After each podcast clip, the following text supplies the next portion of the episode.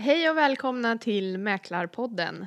Eh, nu är vi äntligen tillbaka efter ett litet uppehåll.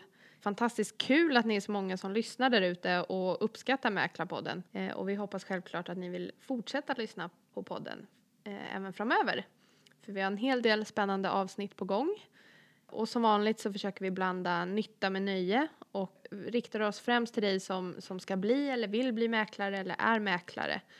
Eh, men vi tror även att personer utifrån ibland kan tycka att det är väldigt kul att lyssna också. Och vi vill ge en ärlig bild av, av mäklaryrket eh, och vi vill förbereda er blivande mäklare så att ni vet vad ni ger er in på. För tyvärr så är den bistra sanningen idag att, att cirka 30-40 procent slutar som mäklare första året. Eh, och mycket är på grund av att man inte riktigt vet vad yrket innebär i praktiken. Eh, och det vill vi ändra på. Och vi vill att fler ska stanna inom yrket för att det är ett fantastiskt roligt yrke. Jag personligen har aldrig träffat en målgrupp som brinner så mycket för sitt yrke som mäklare. Så det vill vi lyfta fram. Men nu är det dags för tionde avsnittet och eh, med den inledningen så leder det in oss på, på dagens ämne eh, som faktiskt handlar om säljdriv och motivation. Det kanske inte är många där, av er där ute som, som eh, faktiskt ser mäkleri som ett säljyrke, men det är precis vad det är. Eh, bra, då kör vi igång!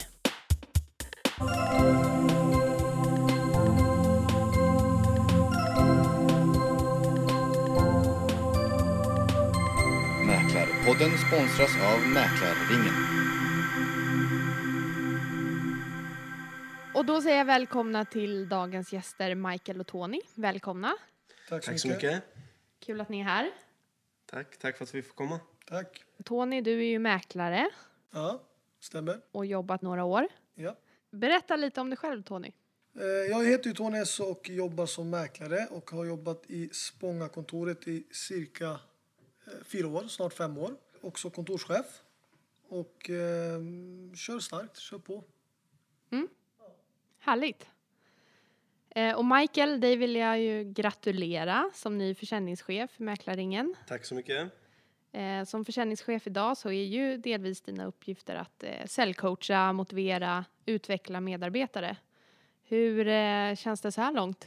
Det känns riktigt kul faktiskt. Det är en utmaning. Mäklarbranschen har väl blivit mer säljfokuserad nu på sistone och det är en utmaning och en resa att få följa med och vara en del av den. Det är riktigt spännande. Kan du berätta lite kort om dig själv? Absolut. Jag är 28 år gammal. Tidigare har jag jobbat mycket med entreprenörskap och bygga upp företag. Eh, är i grund och botten civilekonom då, med inriktning på marknadsföring och affärsutveckling. Jobbat med en mängd olika branscher, restaurangbranschen, eh, vårdbranschen och, och sen renodlat sälj, säljbolag har vi byggt upp också tidigare. Sen så kände jag att jag behövde växla om så jag körde kommersiellt i ett år på Mäklarringen, alltså jobbade som mäklare för kommersiella fastigheter. Och sen så tog jag steget upp till försäljningschef. Mm. Eh, vem, vem jag är? Jag älskar fart, utmaningar, älskar sälj, affärer. Tror det beskriver mig ganska bra. Låter ju som de rätta egenskaperna för att även vara mäklare. Får vi se. Ja. Tony, vilka egenskaper har du? Ja, jag skulle vilja säga att självklart eftersom jag är mäklare så är det ju sälj det som ligger närmast mitt hjärta. Eh, och sen är det samma sak, jag och Michael har jobbat mycket tillsammans och det är samma sak där. Det är fart, det är, det är själva utmaningen man har för att eh, ja, få den för, bästa försäljningen, eh, slå rekord och också ha kul på jobbet. Och det är väl det jag tycker att jag försöker alltid skapa en rolig atmosfär eh, samtidigt som man är seriös och försöker uppnå de mål som man eh, sätter upp framför sig. Så det skulle jag definiera mig bäst. Eh, Så jag och Mike är ganska lika på det sättet. Fast jag är lite bättre än honom tycker jag. Kan du ge eh, lite inside i, i ett av dina personliga mål? Ja, det är självklart och eh, först och främst driva det kontor som jag tar hand om att säga. Det kontor jag jobbar med. Att försöka utvecklas och bli bättre och bättre för, för varje år. Och vi sätter ju upp mål inom försäljning och hur vi ska jobba, hur vi ska ta in andra mäklare och så vidare. Utveckla företaget eh, bättre och bättre. Och det är väl det som är nummer ett. Samtidigt att eh, man själv ska utvecklas, bli en bättre mäklare. Försöka se vad man är dålig på, förbättra det och, och så vidare. Så utvecklas är väl det som är nummer ett. Både kontoret och sig själv. Mm. Skulle ni säga att det är viktigt med mål för att motivera sig själv? Det tror jag absolut att det är. Det är dels för att det är ett säljyrke. Och har man inte mål som man vill uppnå så är det ju svårt att få motivation för det. Sen är det ju hur man sätter målen. Det är ju personligt och företaget och hur man, vad man siktar på. Eh, Men det är klart, har man ett mål så eh, vill man ju uppnå det och då får man ju drivkraften att göra det, skulle jag säga. Michael, är det viktigt med mål för dig?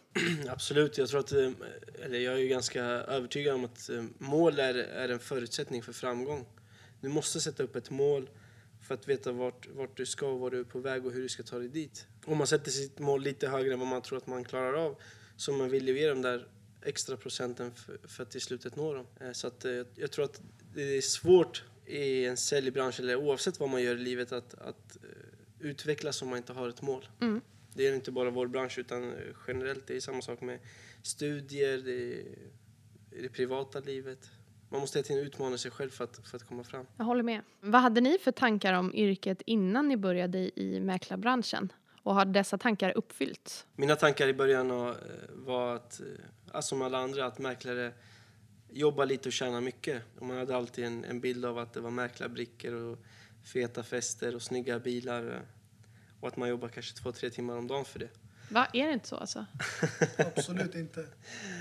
Nej, det skulle jag vilja eh, säga att så är inte fallet. Utan det är faktiskt en av de tuffare branscher man kan ge sig in i om man, om man vill bli framgångsrik. Och de som tjänar väldigt bra jobbar väldigt mycket. Och med all rätt, de gör ett jättejobb och, och ska ha betalt för det. Det är som i vilken annan bransch som helst. Men det krävs att man är motiverad och vill jobba hårt. Kavla upp ärm- ärmarna och, och köra stenhårt. Ingenting kommer gratis och inte, det gör det inte här heller. Jag håller med eh, Michael där. Det, det var så jag trodde också att det, det var mycket fina bilar, eh, fina kläder och mycket pengar det handlar om. Men eh, då, då tänkte man väl att ja, men det, det ser inte så svårt ut. Men sen när man själv har gått igenom det så märker man att det krävs mycket arbete, mycket tid, eh, mycket motivation för att komma upp i de nivåerna. Det är kvällar, det är helger, Ja, det är visningar på söndagar, intag efter klockan fem. Det är inte någon fråga om OB-tillägg och... Nej, så är det. Och telefonen ringer hela tiden och du ska vara beredd på att jobba dygnet runt som det är. Du får ett samtal klockan 12 på kvällen, då ska du ta det också för att vara den bästa. Eh, Så det har man ju upplevt och det, det tänkte man inte från början men det, det gäller att... Vill man vara bäst så måste man ha den tiden också och lägga ner arbete på det. Och då är det 24-7 det handlar om. Det är inte bara att när dagen tar slut så tänker man nu den här dagen slut. Man, man tänker dagen efter också. Så att eh, som Michael säger, det, det krävs mycket arbete för att få nå upp i de nivåerna. Men gör man det så får man en bra belöning, vilket det ska vara. Jobbar man hårt så ska man få en bra belöning för det. Eh, som jag nämnde i inledningen så är det ju många som, som slutar första året och det är nog en anledning till det. Att man inte vet vad, vad man har att vänta. Mm. Eh, vad, vad tror ni är den vanligaste missuppfattningen om yrket bland eh, de som är på väg att bli mäklare? Jag tror att de flesta förstår någonstans att eh, ja, men visst, man, är, man vet att det är visning på söndag. Liksom. Men jag tror inte att man har förståelse för alltså, i vilken omfattning det är. Att, eh, att den här telefonen ringer oavbrutet konstant oavsett om du är på bio med, med din tjej eller på middag eller om du är på en julmiddag. Det spelar ingen roll. Det ringer och du ska svara och du ska vara tillgänglig. Jag tror att det är det som tar koll på de flesta. Man ska alltid vara tillgänglig om, om som precis som Tony säger, om man ska vara bäst. Tony, vad säger du? Det jag tror är ju att, eh, som sagt, man har ju bild av mäklare från början som, som, som student eller som, eh, när man tänker att man, man vill jobba som det. Men sen när man väl sätter igång med mäklaryrket så måste man förstå att det är ett säljjobb. Det krävs, du jobbar ju individuellt väldigt mycket, fast du har ett bra team bakom dig förhoppningsvis. Eh, och då gäller det att lägger man inte ner 100% och är förberedd för det från början och är hungrig så kan det vara väldigt svårt att klara sig. För det är en hård konkurrens. Det är många som vill bli mäklare. Det är många duktiga mäklare som finns där ute som vill ta över, som vill ta dina kunder från dig, som vill lyckas bättre än dig. Så är det ju. Och därför så tror jag att är man inte väl förberedd, tar man inte tid och kanske frågar runt eller praktiserar på en, en mäklarbyrå, vad det nu är, för att få reda på hur, hur det funkar, så är det väldigt svårt för många. Men det är samma sak där som med allt annat. Har man drivet, vill man det 100% så kommer man lyckas. Ger man det 90% bara så så kan det vara så att man inte klarar av det. Och det är det det handlar om, i alla fall för mig inom mäklaryrket. Man måste ge hjärta och själ. Mm. Jag håller med. Och en vanlig missuppfattning jag har stött på det är just det här att, att man blir mäklare för att man gillar inredning och visa hus. Eh, och att det, det är absolut en fördel eller något positivt om man gillar inredning och, och hus kanske. För att det är också en del av sälj. Mm. Men, men just den saknaden av sälj är det som är huvudfaktorn. Mm. Och det är för att branschen, eh, liksom, om vi tar det historiskt, så har ju inte mäklare sett sig själva som säljare. Det var som vi sa i början att jag skulle vilja säga att det är ett ganska nytt fenomen att mäklare ses som säljare. Annars eh, så har man haft lite finare begrepp som förmedlare och men jag menar, i slutet av dagen, man säljer in sig hos kunden för att få sälja dens objekt och man säljer in sig hos köparen för att få, få den att köpa objektet. Så att det säljer åt båda hållen. Och det ställer ju krav på att man, man, man har de rätta förutsättningarna.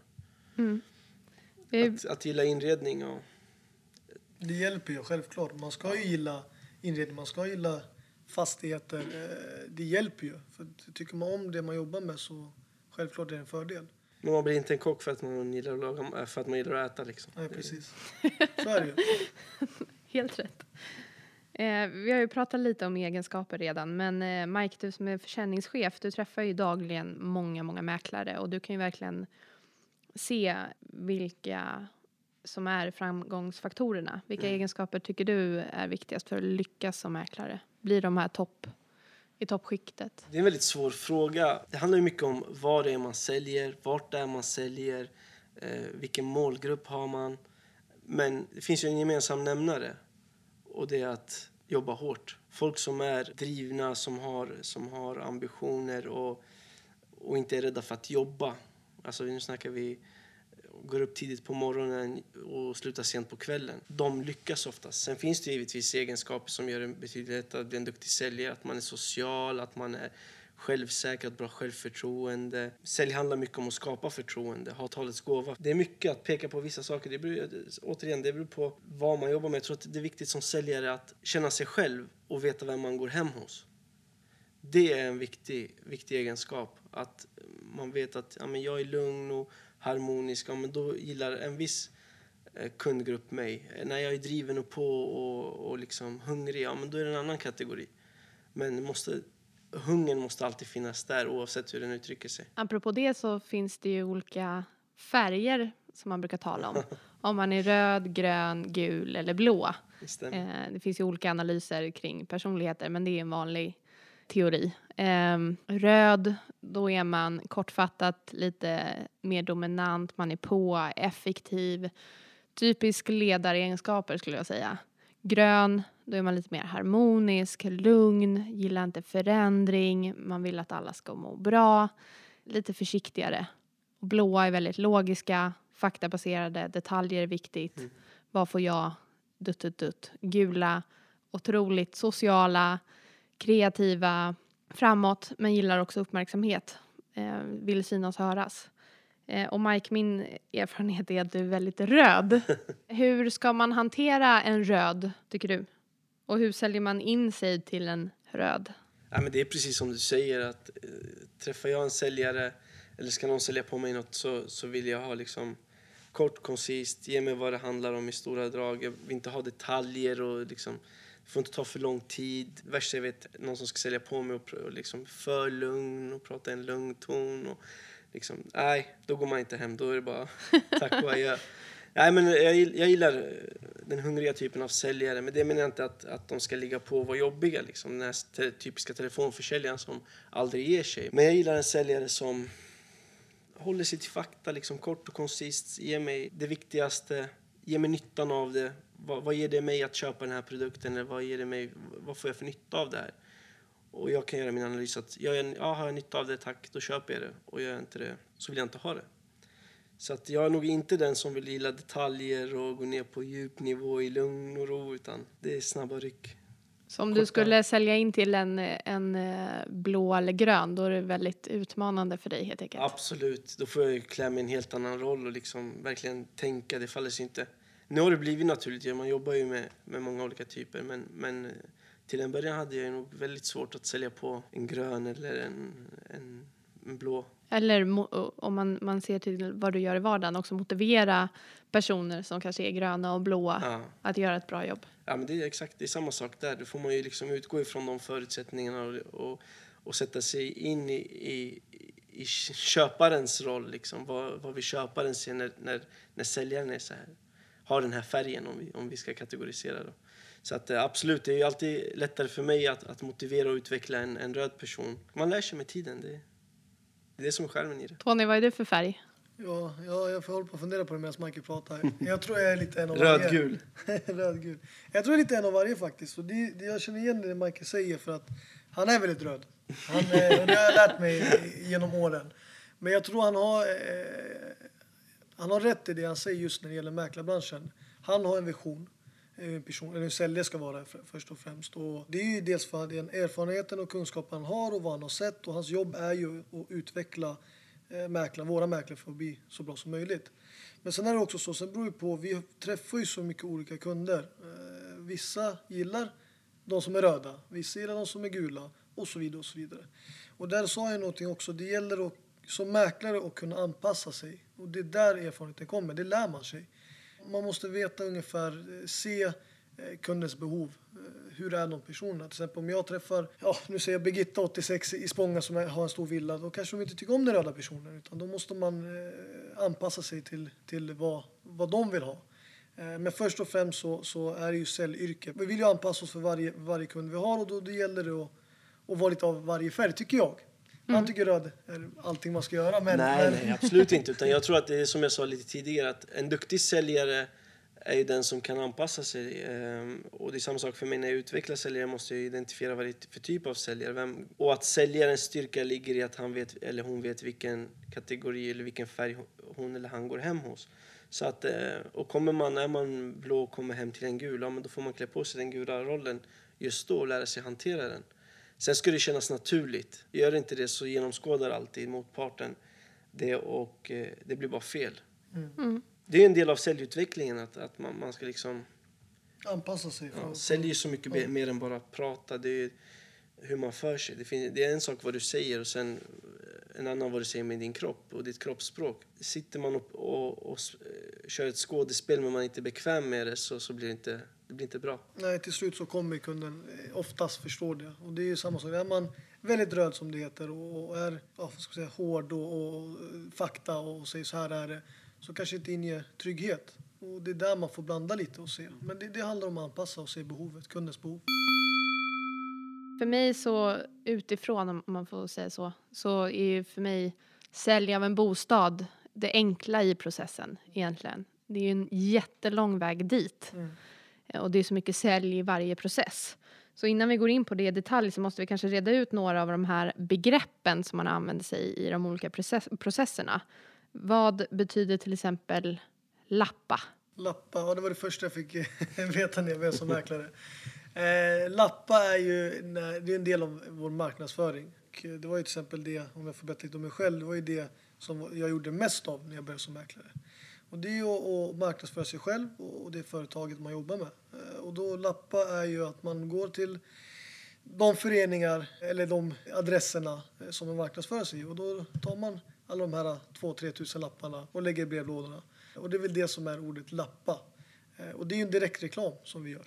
Eh, Och det tycker jag har funkat väldigt bra. Det tycker jag fortfarande är väldigt bra sak. Visst, det är inte alla som uppskattar att få flera lappar flera gånger i månaden, men då når vi alla fall ut till kunden. Vi når också ut till de kunderna som kanske inte söker just nu, men får en idé av att se att det finns hus till salu eller att vi erbjuder ett bra eh, arvode, eller vad det nu är. Eh, Så begreppet lappa är, är att man går ut och, och knackar dörr helt enkelt. Och du säger att Tony har slutat med det för länge sedan. Det syns väl på honom. Ja, jag behöver inte göra lika mycket nu, men, men eh, som tur är har vi en som lappar åt oss. Men det är inte alla som kan göra så. Det gjorde jag i två år. Men eh, där sa du något, för att även fast man har någon som gör det åt en så kan det ju framförallt i början vara bra att faktiskt lappa själv. Ja, Även om man är uppvuxen i området så är det ju bra att själv gå runt och lappa, lära känna husen, lära känna området, kolla runt. Och det, det, det var ju det som jag gjorde, för jag är inte från Stockholm från början. Jag är från Falun.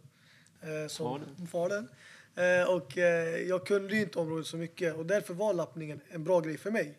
Eh, Och då var det för att jag gick till adresserna, lärde mig dem, memorerade dem. Eh, och det var faktiskt det som hjälpte mig mest.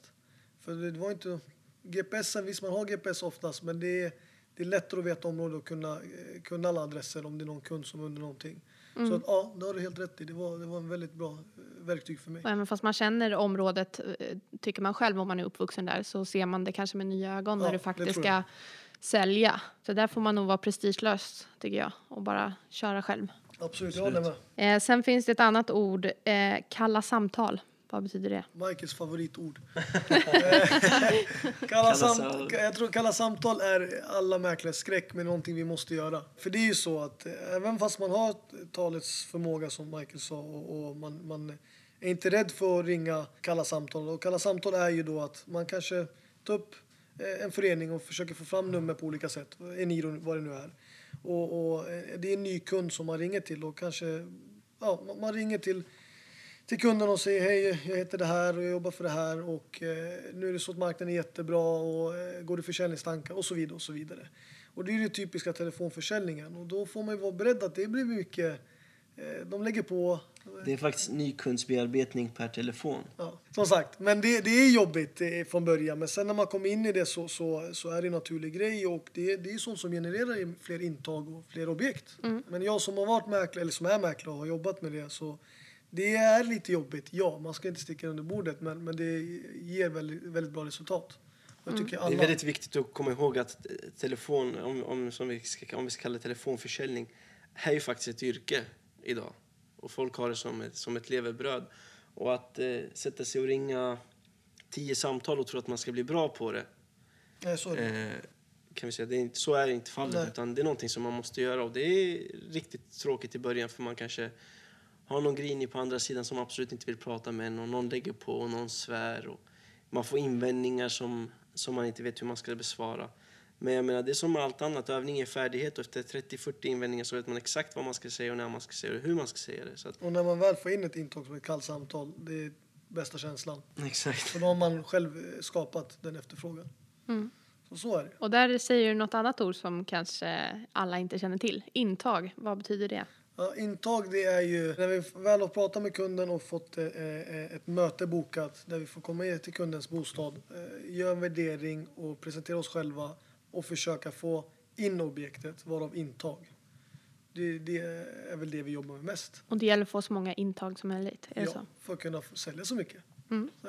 Och då tänker man ju att det är ju sälj i alla de här processerna. Det är sälj på ett kallt samtal, det är sälj på ett intag och sen är det sälj av bostaden. Skiljer sig säljet i de här processerna? Absolut. Återigen det här med alltså tid och rum. När du säljer på telefon så, så har du inte möjlighet att se motparten. Du kan inte kategorisera den på samma sätt. Du har bara rösten att utgå ifrån. Och på, på telefon gäller det att vara lite röd, lite kort, koncis och, och gå på avslut ganska snabbt. För att inte eh, det ska bli för långdraget och tråkigt. Utan är du på ett intag så har du lite mer tid. Du får träffa familjen, du ser hur de bor.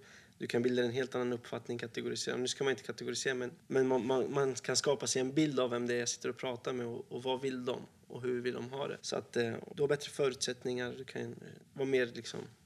Ah, men du har tid på det på ett annat sätt. Och visningar är också ett typexempel där det är sälj. Där man har ett par minuter att göra ett intryck på köparna. Eller de potentiella köparna. Så absolut. Mm. Vi har pratat eh, lite om det, men vad innebär sälj för er? Vad är sälj? Sälj kan man säga det? Svara det. Ja. Sälj är en livsstil, det är inget annat. Ja. Man säljer hela tiden och det är det jag tror att många människor inte är medvetna om det. Men på en arbetsintervju säljer du in dig själv. På krogen när du raggar säljer du in dig själv. när du Ica, när du är trevlig mot, kassörskan, du säljer för att man, man, är, man är säljare hela dagen, året runt. Men jag tror, inte att, jag tror att man inte tänker på det så. Man kanske säljer in eh, olika alternativ för sin partner hemma dagligen. Absolut, Sina vem barn. som ska diska, vem som ska... Ja, det, det händer varje dag och jag förlorar varje gång. Men, Vilken soffa man ska köpa.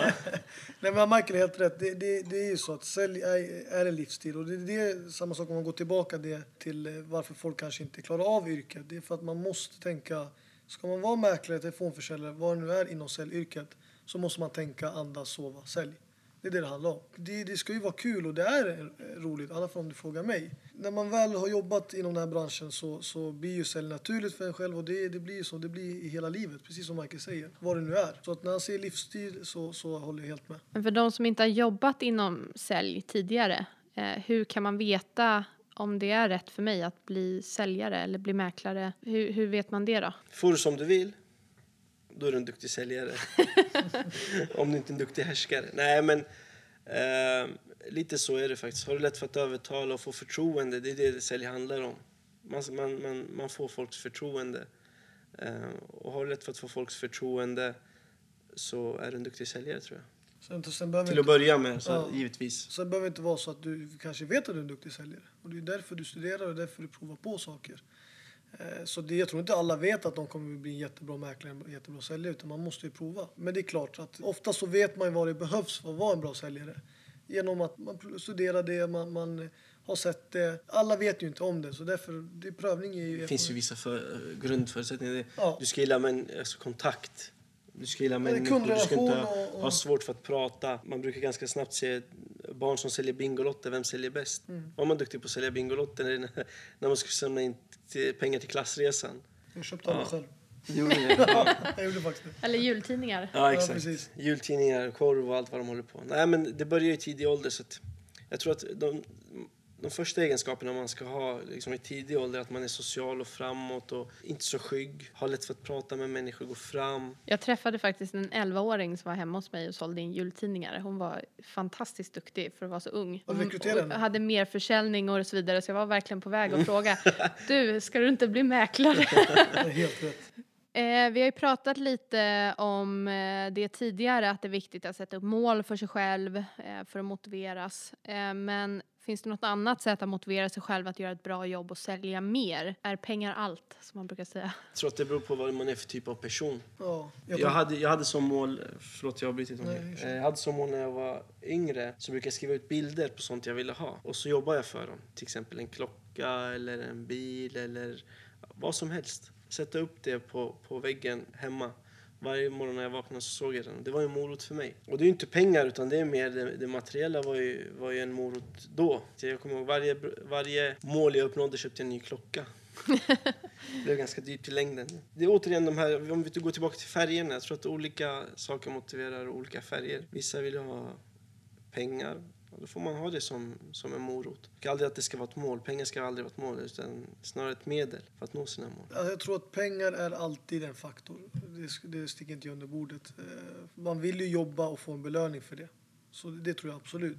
Men sen är det många som, som man kan säga, alla är olika. Eh, jag till exempel strävar efter att ha en, en rolig arbetsplats där jag mår bra. Man har jobbat så pass länge nu att man, man vet att det är också en viktig faktor. Eh, Kanske från början kan jag tänka mig när man är student eller när man ska komma upp i arbetslivet så är pengar väldigt mycket man tänker på hur man ska få för, för framtid och hur livsstil det ska vara. Men, men när man blir lite äldre och man har jobbat fått lite kött på benen så tror jag inte pengar är allting men det är en, en stor faktor. Det är därför man väljer det också. Men det är farligt att liksom stirra sig blind på pengar Nej, men i det- form det av ska man liksom absolut inte göra. siffror. Utan, ah, jag, mitt, mitt råd är tjäna mycket pengar. Men jo, men det är sant. Tjäna mycket pengar, men använd dem. Och det är därför jag säger, ha det som ett medel. Mm. Ha det som ett medel för att nå dina mål. Istället för att spara eh, 100 000, sätt upp en resa för 100 000. Men det är olika för olika personer. Ja, men jag, jo, men jag menar det. Du Alltså, har ju det- din belöningssystem för dig själv. Jo, vilket, är- vilket är absolut eh, jättekul Men jag tror att man är hamnar i en ond cirkel om man har liksom pengarna som, som ett mål. Att man, man stirrar sig för blind på det och glömmer alltså, att, att, att belöna sig själv. För att belöning är också en väldigt viktig... viktig det är alla belönar sig själv på olika sätt. Ja, och det är klart, är eh, jag säger absolut inte att pengar ska vara bara det man tänker på. tycker inte jag. Då tror jag man formar sig till en helt fel person. Om inte man vill vara en sån person, självklart. Men det har ju en del med det att göra tror jag absolut i alla jobb. Annars kanske man tycker att jobba eh, som, eh, vad ska jag säga, skidlärare bara för att man vill åka skidor mycket. Men man kanske inte kan leva på det. Man vill ju också kunna leva ett bra liv. Och det är när man bildar familj och så vidare. Pengar är en faktor, men som jag ser till hur det funkar med mig. Jag vill också trivas i det, det, det arbete jag gör, de människor jag har runt omkring mig. Skulle inte jag göra det och gå till ett jobb där jag tjänar mindre pengar men jag skulle må mycket bättre, ja, men då skulle jag göra det. I alla fall som i den tiden jag är nu. Och jag är lite gul och då har jag läst att jag gillar social uppmärksamhet. Och luncher. Eh, Grat- gratis lunch. Ja.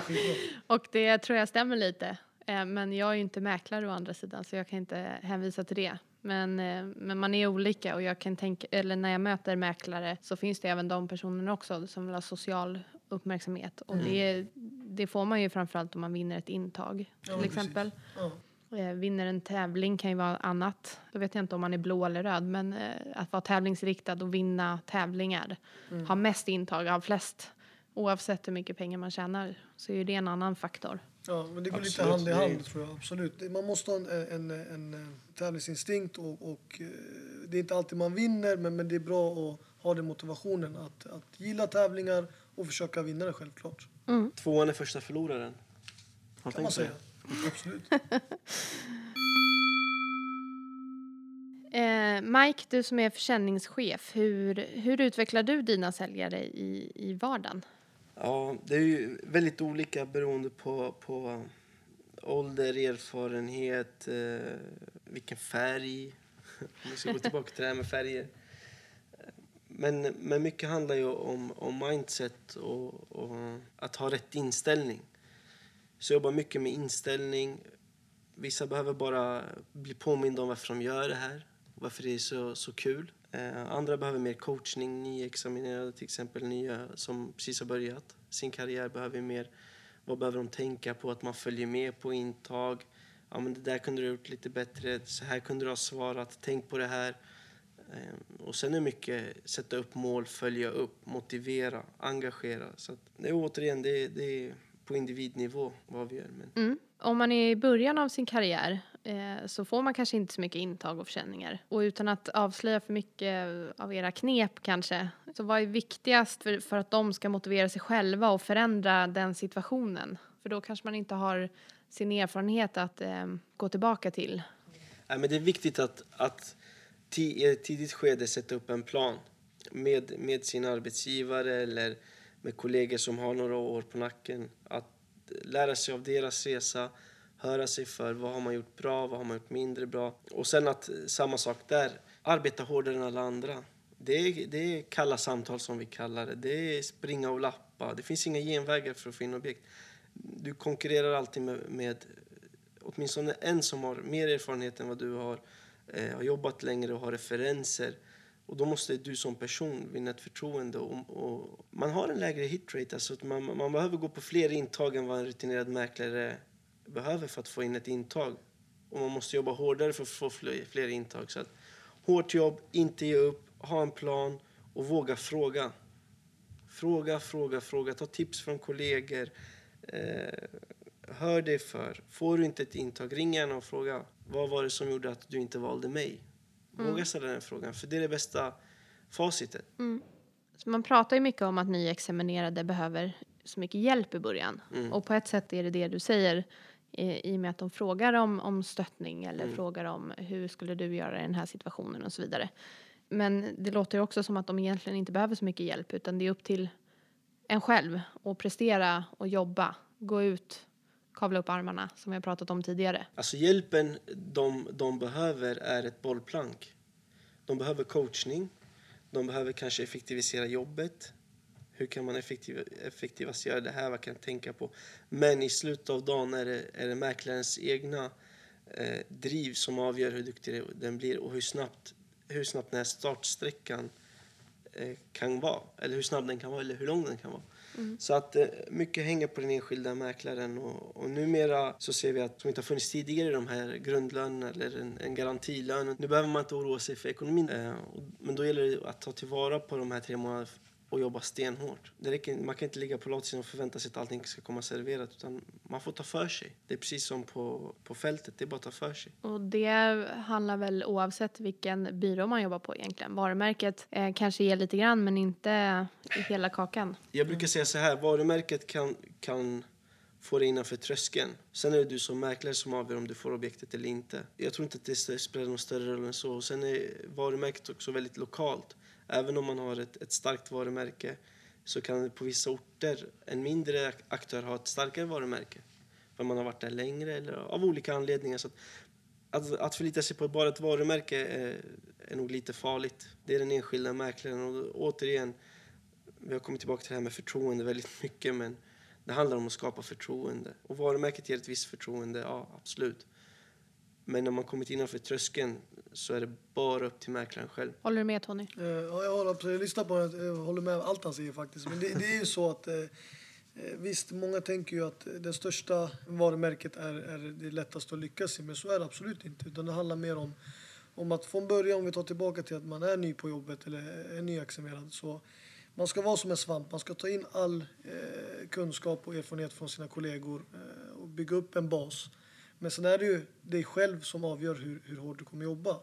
Eh, och då är det där med kalla samtal och, och, och jobba längre på dagarna och, och göra det lilla extra för att visa framfötterna. Be om att få gå med på visningar. Hj- Hjälp Precis. dina kollegor på visningar. Var visningsvärd eller skriv upp namn. Men du hör ju surret. Du hör hur, hur din kollega pratar och, och beskriver och liksom säljer in objektet. Och det är en ovärderlig kunskap. Det är inte så, sånt kan man inte lära sig i skolan. Utan Nej, det skiljer Det är bara väldigt mycket från det. Och det är det, man ska inte vara rädd för att fråga. Man ska inte vara rädd för att... Och, och, kollegorna som man har har säkert jättemycket att göra. Men man ska försöka ändå få komma med, stå där i bakgrunden, lyssna, ta in allting. Eh, För sen själv bearbeta hur man vill bli som mäklare och hur man ska jobba. Men det är ju så, det är ett individuellt arbete väldigt mycket och eh, hur du blir som mäklare avgör du själv. Och så är det ju. Mm. På ett sätt så är ju mäkleri är ju ett eh, provisionsbaserat yrke. Så egentligen så är det ju en själv som, som lider mest, eh, eller vad man ska säga, om man inte arbetar tillräckligt hårt. Men jag kan ju ändå tycka att man ändå ska ta hänsyn till en arbetsgivare. Den har ju ändå satsat på en. Man har ju också vissa skyldigheter gentemot denna att, att göra sitt bästa. Eller håller ni med? Absolut, alltså så här, det säger jag till många. Att en plats som inte, på ett kontor, ska vi prata rent krasst i siffror, en plats som inte omsätter kanske inte alltid är en så stor kostnad för, för ägaren. Eh, det är en kostnad man kan leva med. Men det finns en alternativ intäkt. Och den platsen skulle kunna omsätta betydligt mer med en mäklare som är hungrig. Så att även om, om man tror att man, man kan sitta där på det där skrivbordet och ah, ta det lite lugnt och komma in och jobba lite när man vill eh, så är det inte hela sanningen för att man tar upp en arbetsplats som skulle kunna omsätta och bidra till bolaget. Och sen är det som du säger, det här med lojalitet är väldigt viktigt. Alltså att man ska vara tacksam för att man får de förutsättningarna man får. Om, man, om, en, om en arbetsgivare liksom ger en allt så ska man ge tillbaka för att annars blir det inte långsiktigt hållbart. Och det ger en ju ofta mer tillbaka framåt skulle jag säga. Ja, men alltså, det ger, absolut. ge och ta handlar det om även mot arbetsgivaren. Och, och i och med att det är idag väldigt lätt att få jobb som mäklare skulle man vilja säga. Ja. Sen är det inte lätt att bli en bra mäklare. Det, det är en stor skillnad. Men, men just att det är lätt så är det lätt för nya att ta det för givet. Mm. Att de ska bara ha, ska ha, ska ha. Istället för just det här som ni säger, kavla upp armarna och ge tillbaka. För det kommer också ge dem ännu mer i slutändan. Jo, men det är som i alla relationer. Oavsett, eh, alla relationer handlar om att ge och ta. Och i en relation där, där man bara ger och ger och ger så ledsnar man till slut. Så oavsett om det är en arbetsgivare eller en anställd eller en fru och en man eller ja, ett barn. och- Det spelar ingen roll vilken relation det är. Allt, det handlar alltid om att ge och ta. Och jag tror att lojalitet också är väldigt viktigt. Alltså att man, man hoppar inte för första bästa. Det är inte säkert att gräset är grönare på andra sidan för att folk lovar det. Utan var smarta, lyssna er för, fråga, sök innan man tar ett beslut. För låter det för bra för att vara sant, då är det oftast för bra för att vara sant. Och det är som du säger, att det är lätt att få jobb inom mäklarbranschen just nu. Det är många som vill ha mäklare, men det är inte lätt att stanna kvar också. Du måste visa framfötterna. Du måste, eh, som du säger, ar- alla arbetsgivare har ju olika mål för, för de man anställer. Eh, och även om du kommer in i, den, i det bästa varumärket, så att säga vad det nu är, så är det inte lätt att bara sitta där och inte göra någonting, utan då måste du också jobba för det. Eh, så att man måste, som Michael säger, man måste eh, lyssna, ta in eh, frågor runt, veta vad man vill jobba med och vem man vill jobba för. Men sen är det också du själv som måste avgöra om du kommer stanna kvar eller inte. Mm. Är, det, är det så? Eller tycker ni att lojalitet är ovanligt idag bland yngre? Nej, nej, jag tror inte att det, det handlar om att yngre ska vara mer illojala än någon annan. Men jag tror att man i vissa fall är lite naiv. Man, man ger sig ut på arbetsmarknaden och man går på de här mässorna och alla, man är ju rockstjärna. Alla rycker i en och men det är väldigt viktigt att ha, ha det här kritiska med sig. Att, att okej, varför är jag så populär? De känner inte ens mig. De vet inte vad jag går för. Men ändå lovar de att jag kommer bli en stjärna. Ifrågasätt. Hur ska du göra mig till en stjärna? Har du de rätta förutsättningarna för just mig? Annars är det lätt att man, man lockas och man, eh, man är där bland fem andra. Och i slutet av dagen så är det en, en uttagning för den bästa. Det finns bara en plats för, för den bästa. Liksom. Så att, för att man ska få en ärlig start eh, och en riktig chans på marknaden så tror jag att man, man ska göra sin hemläxa innan man väljer arbetsgivare. Men eh, jag, om, om jag ska se på arbetsgivarsidan, Mm. jag kan ju tycka att det är en skev situation. Kan, kan, va, varför ska den som ska anställa ställa en fråga? Varför ska inte arbetsgivaren ställa den frågan. Varför ska jag välja dig? Vad kan du ge oss? För att marknaden är som den är. Arbetsgivaren idag får göra sin bedömning. Om vi pratar i generella termer så, så, som marknaden ser ut idag så har ju inte arbetsgivarna några högre krav. Du säger ju själv att det är väldigt lätt att få jobb som mäklare. Men om arbetsgivarna skulle börja ställa krav på dem de anställer redan i början och inte bara ta in massor så skulle nog mäklaren få svara på en och annan fråga. Eller studenten. Men det kanske är lite mer så i praktiken sen. De tar in många som du säger. Och sen är det survival of the fittest. Ja, ja absolut. Det är Så- så, det är. Det är så det är. Och då är det viktigt att, för det här med survival of the fittest, om jag ska överleva på ett företag så måste den företagskulturen passa mig. Eh, Den säljkulturen som finns på kontoret måste passa min eh, säljpersonlighet eller mina säljegenskaper. Det kan vara färger om vi ska prata om färger. Är, är kontorsägaren röd och jag är väldigt blå så ska du ringa lite varningsklockor att här kommer det krocka. Det blir inte en trivsam arbetsmiljö för den här arbetsplatsen passar inte mig. Och då har ju inte varumärket eller, eller inget har en betydelse utan det är själva arbetsgivaren som resterande yrken liksom. Hur är företagskulturen här och vem är det som leder det här bolaget? Är det fördel att vara få eller många på ett kontor då? Det är väldigt olika. Så det, det, vissa kanske tycker att det generellt är bättre att jobba med 20 personer i samma kontor för det bildar en, en annan atmosfär. Men, men jag själv tycker väl att, eh, som man kan säger, om man ska förbereda sig och, och göra sin hemläxa innan man väljer arbetsgivare, att lära känna dina kollegor lite bättre innan, innan du börjar där eh, helt enkelt. Och det är väl ställa frågor, hänga med dem, prata lite. Eh, sen om det är två stycken eller 20 stycken, det är för olika personer tycker jag. Så att det är väl väldigt individuellt. Sen är det klart- är klart, jobbar man i ett stort företag eller ett stort eh, kontor där det är 20 personer så det skiljer ju sig mycket eh, än när man sitter med, med eh, ett litet gäng. Eh, för då, då är det kanske mer fabriksmässigt som jag och Michael brukar prata om. Att eh, du kommer in, du gör ditt, du gör ditt jobb, sen går du ut. Men eh, till exempel, vi är ju lite mindre kontor, men där är mycket gemensamt. Vi delar mycket idéer, vi hänger med varandra väldigt mycket. Och är man två, tre stycken och är med varandra och har samma mål, jo, men då får man en annan vänskap och, och också inom karriären. Skulle jag säga. Jag tror mycket, ja, jo, men det, du har rätt. Och det mycket handlar om att det kan vara ett, ett kontor med fyra personer, det är bara är konflikter och det kan vara ett kontor med 20 där det är en jättebra atmosfär och vice versa. Så att, sen beror det på om man ska se liksom till förutsättningar som mäklare. Är man 20, 20 personer på ett kontor med ett väldigt litet område så är det ju intern konkurrens också om objekten. Men ja, nej, det är svårt att svara på. Jag tror att det handlar om hur man själv trivs och hur miljön är på det, på det kontoret snarare än om hur många det är. Så spontant eh, så är det ju ingen, eh, ingen lösning att, att hamna på ett stort kontor. Nej, jag tror inte att man får bättre förutsättningar för att man hamnar på ett stort kontor. Absolut inte. Mike, du är ju försäljningschef som jag har nämnt här några gånger. Men, eh, och jobbar ju just där med motivation. Men eh, skulle du säga att du använder dig några av formella motivationsteorier? Nej.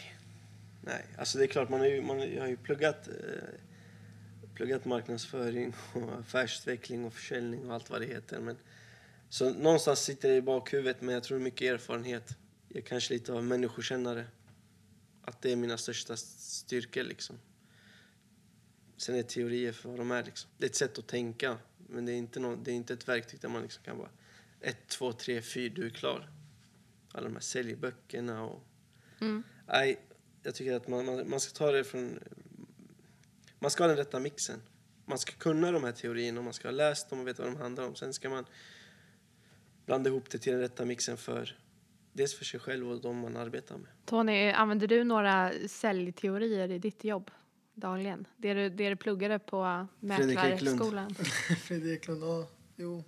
Nej, men jag tror också det, det, det skulle jag inte säga att jag gör. Det är väl mer hur, hur själv jag är som person. Och visst, plugget skiljer sig väldigt mycket till arbetslivet. Eh, Jag skulle nog inte säga att plugget gav mig en grund eh, till hur, hur man ska tänka inom sälj och sådär. Men, men eh, Eh, jag försöker väl vara mig själv och, och dela med mig mina erfarenheter och kunskaper på, på det jag tycker är bäst. Eh, Sen kan jag säga om Michael också, han, det som är hans styrka enligt mig, eftersom att han är ändå försäljningschef, det är att han eh, lyssnar väldigt noga och lyssnar på vad jag säger och försöker ta till sig det. Och det är väl så jag försöker också göra så gott jag kan. Så att, eh, nej, jag har väl inga specifika säljteorier skulle jag säga. Ja, vad bra. jag tror vi har berört det mesta inom motivation och engagemang och att sammanfattningsvis så, så handlar det mycket om person, alltså olika personligheter eh, och utgå från, från dens förutsättningar helt enkelt. Ja. Och sen hela tiden ha ett mål. Det är det viktigaste. Om vi ska snacka med, om vi, om vi ska prata liksom motivation och mål och belöningar så kommer man ganska långt. Belöningar också. Ja, det är bra. det är Ja, det absolut, det är, det är bland det Absolut. viktigaste. För att eh, oftast är målen ganska långt bort. Eh, om man inte sätter upp kort, väldigt kortsiktiga mål. Men när man har man ett långsiktigt mål, se till att bryta ner i delmål och varje gång du når ett delmål, belöna dig själv. Resan blir mycket, mycket enklare. ja, sen är belöningar kommer i olika Former. former, exakt. Man behöver, Michael köper klockor till sig själv, det kanske inte alla kan göra. Eh, men vissa, eh, ja men det är som sagt belöning i olika former, men, men så länge man ger en belöning till sig själv eller får en belöning, till exempel av arbetsgivaren, klapp på axeln, säger att du har gjort ett bra jobb, det räcker långt kan jag säga. Mm. Vad bra. Härligt. Ja. Det var faktiskt tionde avsnittet. Eh, Gå gärna in på vår Facebook-sida och skriv en kommentar eller önskemål om ni vill att vi ska ta upp något här i podden. Eller kom gärna fram och prata med oss när vi är ute på högskolorna. Eh, och vi har också spelat in lite klipp på högskolorna som, som ska bli kul att lyssna på sen och som blir ett eget poddavsnitt, tror vi. Eh, tack Tony och Michael för att ni kom hit. Tack, Tack så själv, mycket. tack för att vi fick komma. Och tack ni som lyssnar. Hej så länge! Hej då.